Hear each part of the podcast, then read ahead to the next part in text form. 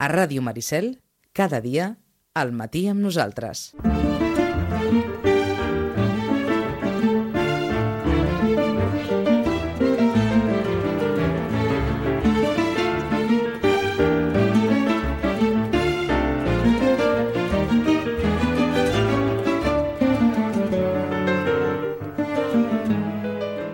Vinga, i, i ara primer hem d'agrair a una dona que està treballant en el Dia de la, de la Dona que ens hagi atès eh, així una miqueta de, de manera eh, sobtada, com fa, doncs això, cada, cada dues o tres setmanes. Rosana Lluc, bon dia. Hola, molt bon dia. I feliç Dia de la Dona. Moltes gràcies. Uh, feliç dia a totes les dones, avui i cada dia. I cada dia, és el que, és el que doncs, diem, diem aquí de, ja hem dit aquí de bon, de bon matí. De bon matí. Gràcies, Rosana, per, per haver-nos eh, atès eh, avui. I més que res perquè no sé si, si podem agafar una, una perspectiva femenina avui per, per fer recomanacions. O... Sí, podem agafar-la més, més que, mm, agafarem més que feminista, femenina, és a dir, dones que escriuen, Mhm. perquè les dones llegeixen, això està, ja ho sabem, ja ho hem parlat moltíssimes vegades, però la, moltes dones escriuen i avui, doncs, bueno, un petit homenatge a totes aquestes dones que escriuen, que van fer una feina terrible des de... No parlarem de, de les primeres que van començar a escriure, tant, tant en català com en castellà, però sí que volem donar un homenatge a totes les dones. Doncs eh, millor dia que avui no n'hi ha, no n'hi haurà d'altre. Però deixeu-me que abans comenci amb dues, dues notícies que són, no tenen res a veure amb les dones, evidentment, són dos homes. Eh? Un Mhm. és el Guillem Albà, que acaba de fer. Eh? Uh, ja sabeu que el Guillem Albà doncs, bé, ha tingut diversos premis perquè ha dirigit un munt d'espectacles, etc. Doncs Guillem Albà ha fet un llibre que es diu D'aquí no marxaré mai i ell i el Albert Tom estaran aquest dissabte a les 12 aquí al Teatre Principal. Mm. Ho dic perquè tots aquells que vulguin acostar-se, doncs presentem el llibre perquè acaba, acaba de sortir aquesta setmana. O sigui que és una notícia. I una altra que us dic a vosaltres en exclusiva i és que Jussi Aller Olsen, que és un autor de novel·la policiaca, és danès, uh, vindrà a Vilanova a Llorenç Llibres el dia 23 de març a les 7 de la tarda. Caram. Vull dir, Mhm. Us ho dic a vosaltres perquè sé que hi haurà gent de...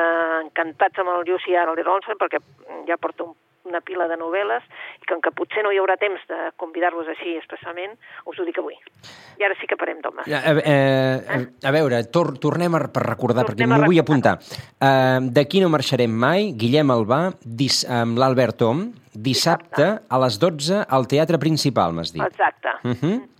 I uh, Jussialet Dolson, Jussi Adler Olsen, Jutsi Aller Olson, gràcies. Adler Olsen, que eh, acaba de treure una novel·la que es diu Cloruro de sodio, vindrà a la llibreria, vindrà a Llorenç Llibres, el dia 23 de març a les 7 de la tarda. 23 de març a les 7 de la tarda. I Perfecte, sou tots doncs, convidats. uh, amants de la novel·la negra nòrdica, que és un gènere allò de Sí. capçalera, oi? Doncs uh, una uh, gran notícia, que és aquesta presència a Vilanova, a la llibreria Llorenç, uh, de Jutsi Aller Olson. I ara sí, Ara sí, ara, ara comencem i comencem eh, amb una dona que esperàvem, tots els lectors esperàvem, eh, mm, i la veritat és que és una dona que és irlandesa, que ha escrit diverses novel·les, i en aquest cas també la novel·la va sobre una dona. Eh?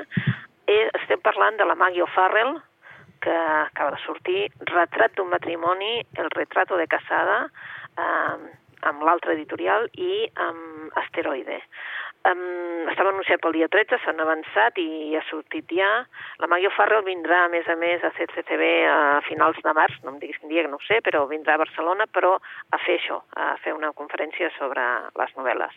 I és una novel·la, aquesta, que als que els hi va agradar molt Hamnet, que va tenir un èxit terrible, aquesta encara els hi agrada més, perquè és una novel·la increïble sobre una dona, la Lucrècia. La Lucrècia, que és la tercera filla del duc de, de Medici, i és una nena, ja estem a Florència del segle XVI, eh? i és una nena que ja des de petita doncs, és diferent dels altres.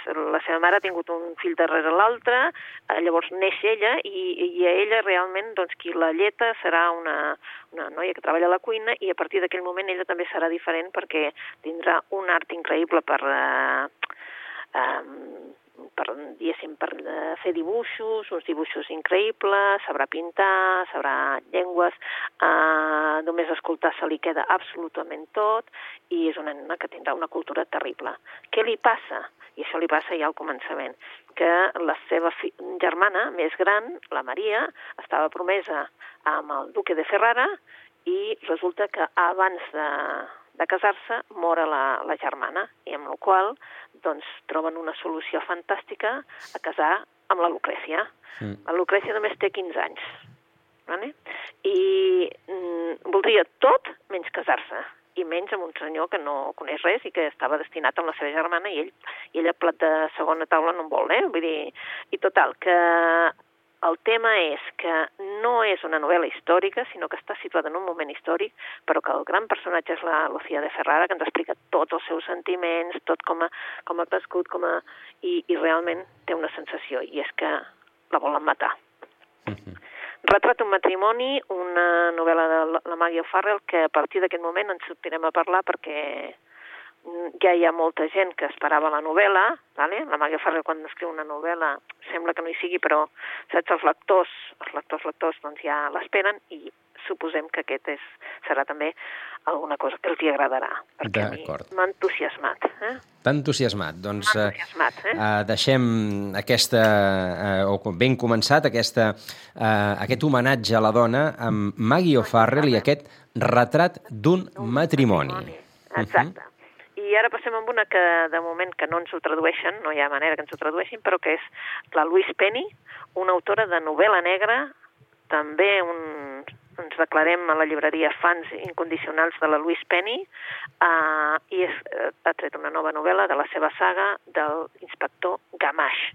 Es diu Cases de Cristal i um, la Louise Penny situa totes les seves novel·les en un poblet, eh, un poblet d'aquells idíl·lics que estan tan amagats, tan amagats, que evidentment eh, el de eh, tenir internet i tenir totes aquestes coses, vull dir, és difícil anant per les carreteres que tu trobis el, el poblet de Three Pines. Uh -huh. I allà, després de moltes novel·les, hem vist que l'inspector Gamache i la seva dona s'hi han instal·lat i quan semblava que ell eh, es jubilava, doncs, mm, doncs no pot, i ha de fer altres tasques, i bé, tots els seguidors d'aquesta autora les, estàvem ja esperant una novel·la i acaba de sortir avui mateix.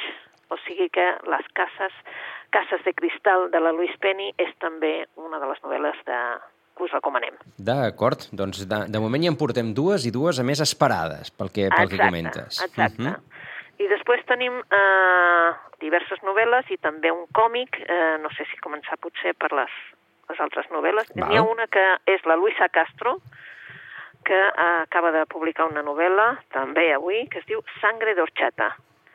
La Luisa Castro uh, és una, una diguem-ne que és una poeta, una novel·lista, um, escriu tant en gallec com en castellà i ha col·laborat amb un munt de mitjans de, de la premsa i el, la veritat és que el, el Premi Biblioteca Breve la va donar a conèixer realment perquè es deia La segunda mujer. I en aquesta, aquesta segunda mujer, hi havia un personatge de molt, molt emblemàtic d'aquí a Catalunya, que era mm, dedicat a la filosofia, que havia set, estat el seu company durant molts anys i quedava molt, molt retratat. Eh? Vaja. Ara amb aquest Sangre de Horchata ens presenta una tragèdia familiar en forma de comèdia. Eh? Uh -huh. Vull dir, és aquesta és una, una, una noia, la Belén, que té 16 anys i que la veritat és que mm, el seu pare està malalt, eh, però vol, ella voldria eh, organitzar l'herència que, que li correspon. I llavors, clar, el seu germà sembla que, que sap altres coses. En definitiva, la seva mare quasi ni parla, ella està, està fora, diguéssim. Uh mhm. -huh. Total, que Sangre d'Orxata és una novel·la en la que hi ha una, una família i potser una tragèdia. Mm? Mm -hmm. D'acord. Una altra novel·la d'una una... altra autora que, que es dona a conèixer també ara amb, ha canviat d'editorial, està amb Alfaguara ara, però que es va donar a conèixer Sex Barral. D'acord. Luisa Castro, Sangre d'Orxata, que, que ha sortit avui. És a dir que... Avui, sí, sí. Doncs Eh, calenta, no, calenta. Calenta, calenta. Eh? Uh -huh. I després, no sé si tenim temps, encara és que no, no Sí. tinc rellotge. sí, sí, no pateixis, no pateixis. Encara tenim 9 minuts, Vinga, encara. doncs, doncs vinga, tenim una novel·la d'una autora que ha venit moltíssim a Itàlia, aquí s'ha traduït en català i en castellà, és una novel·la que, que dona, segons la franja, dona veu a les dones que han gosat rebel·lar-se. Mm. Estem parlant de la Viola Ardone, en català es diu La decisió, i és una història sobre una nena que volia ser lliure en una època en què néixer dona eh, era una condemna. Saps? És l'any 60, la Lívia Denaro té 15 anys, viu a un, a un poblet molt petit d'aquells de Sicília, i la veritat és que mm, i eh, sap allò, aquella cançó que li han dit sempre, bueno, una cançó, allò que li han repetit sempre, ojo, uh, les noies són un canti i qui el trenca se'l queda. Mm. Vale? Bueno, però amb ella, amb ella això, vull dir, diguéssim que ho té al cap, però el que li agrada és estudiar, anar amunt i avall, no és com les altres nenes que van allò modosetes i um, li agrada fer coses que potser mm, no serien les típiques d'una nena de 16 anys, sinó eh, que en definitiva li agrada fer coses també que fan els nois, eh? tirar Mhm. pedres, anar a buscar cargos amb el seu pare, anar a l'excursió i, i està patint perquè pensa que el dia que li vingui la regla eh, hi ha algunes coses que a casa seva ja no li deixaran fer i s'haurà de defensar de l'altre gènere. Mm? Uh, L'Olivia es vol revelar sobre aquest patriarcat realment i vol triar, vol triar encara que hagi de pagar un preu molt alt. Per tant, és un llibre com per avui, eh? La decisió Mhm. de Sí, la sí, Viola Ardone. Eh? Sens dubte, eh, eh, ho estava pensant ara. L'argument és molt, molt reivindicatiu en aquest sentit, tot i que ens trasllada als anys 60, Sí, però la necessitat de reivindicar el, el paper de, la, de les dones eh, en un dia com avui, doncs eh, bé que n'hi pintat. sí. I després tenim un còmic, eh? un còmic que acaba de sortir fa molt pocs dies, que és Maria la Jabalina. Uh? -huh. És un còmic, però per què us l'hem portat avui? Pues perquè Maria la Jabalina era la Maria Pérez la Cruz, coneguda com Maria la Jabalina, que va ser una d'aquelles dones assassinades pel franquisme al 1942 i només tenia 25 anys. Uf. I bé, va ser afusellada en el, aquell muro de Paterna tan, tan conegut de València, que, que, és, que es diu el Terrer, però que és... Llavors, que hem fet dos... Eh, mm, dos, mm, els dos autors, la Cristina Duran i el Miguel Ángel Ginebou, que van guanyar el Premi Nacional de Còmic, eh? recreen la, la vida d'aquesta jove anarquista de les joventuts llibertàries, eh? que va créixer allà a la fàbrica del Port de Sagunt i, i la veritat és que respirava aquell ambient de lluita obrera. Pues ella, amb tan sols 18 anys, ja va voler allistar-se com a, a la columna de, de ferro i eh, allà va fer d'enfermera. Mm, clar, durant la repressió de la postguerra la van delatar i aquí ja sí que ja es va acabar tot. La van, de, de, la van, la van agafar, la van acusar injustament, que mai podia haver fet res de tot el que se li acusava, però això no tenia cap importància. En definitiva, aquesta Maria la Jabalina està posada en un còmic ara i es veu una dona forta, una dona amb un, amb un mocador vermell i és la història, però en còmic. D'acord, doncs una, la història d'una lluitadora eh, assassinada jove pel règim franquista en format còmic. Sí. sí, Uh -huh. que, Maria, Eh? Maria la Jabalina. Maria la Jabalina. Eh? I passem a una altra, Sí. eh, una, una novel·la completament diferent, eh, també parla d'una noia, una noia que és un, una noia que ha llegit moltíssim, eh? i, bueno, una noia que d'aquelles que, que sembla com un quixot, eh? que ho sap tot. Eh? I arran d'unes inundacions se'n va cap a l'Empordà, estava a Barcelona, i l'acompanyen mm, un marit, que el seu marit exporta pollastres al Brasil, la seva filla adolescent, que el que vol és un gos i, i, i, i, no para, eh? i una tieta, una tieta d'aquelles que sembla que no hi toquin gaire, però sí que hi són. Eh? Uh -huh.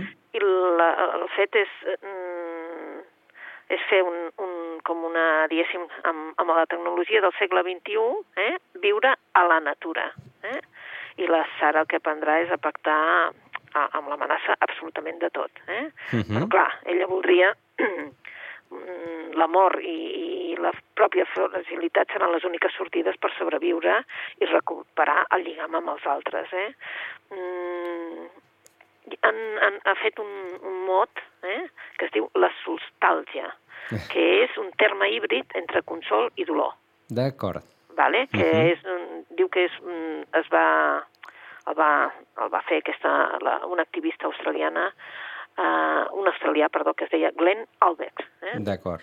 El, el llibre com es diu, per cert? Solstàlgia Sí? és el llibre i l'autora és Ada Castells. Ada Castells. Solestàlgia, perdona, solestàlgia. Solestàlgia. Solestàlgia, i l'autora és la, la Ada Castells. Eh? Vull Mhm. dir, bé, ja veieu que, diguéssim que és una novel·la també profunda, amb, mm, perquè l'Ada Castells ens té acostumats a, a fer unes bones novel·les i en només quasi 200 pàgines doncs, ens adonem de què volia la, la Sara. D'acord.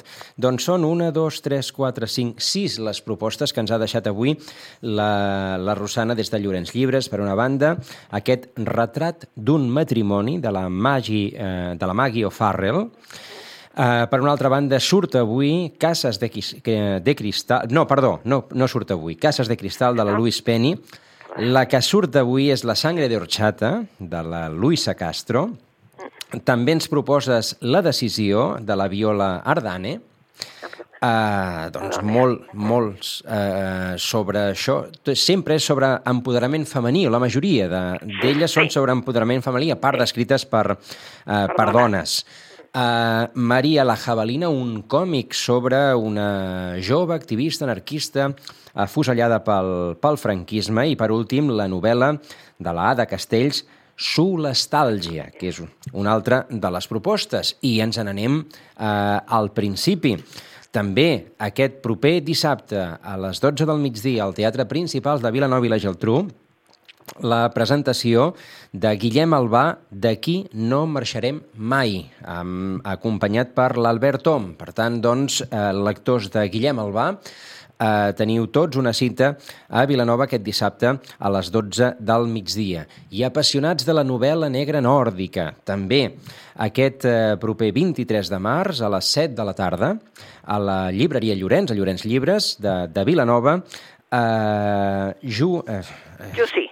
Jussi, és que, és que no ho he apuntat bé, Sí, sí. Rosana. Jussi No, no, no. Aller Olson, eh, que doncs també eh, presència estel·lar en aquest sentit eh, a la llibreria per, entenc, signar amb els, els seus Sí, llibres i parlar, i parlar amb porta els, traductor, porta amb els seus, traductor. amb traductor i tot, eh? Perquè Sí, sí, sí. doncs d'aquesta manera Parla anglès, però, però porten traductor. Perfecte. Parla anglès, per doncs si cas, eh? totes, eh, totes aquestes que són les propostes que ens ha deixat avui sobre la taula en un menú, com dèiem, més que feminista, que també, sobretot femení, d'empoderament de, les, eh, de les dones. Moltíssimes gràcies, Rosana, una vegada més. A vosaltres, ja ho bona. I bones lectures. Bona lectura fins, fins d'aquí uns dies. Fins d'aquí uns dies. I a tots vostès, amb, doncs això també, amb aquestes recomanacions literàries, desitjar-los, com sempre, que acabin de passar un molt bon dia, un molt bon dia de la dona. Que passin un molt bon dia, com dèiem, i fins demà.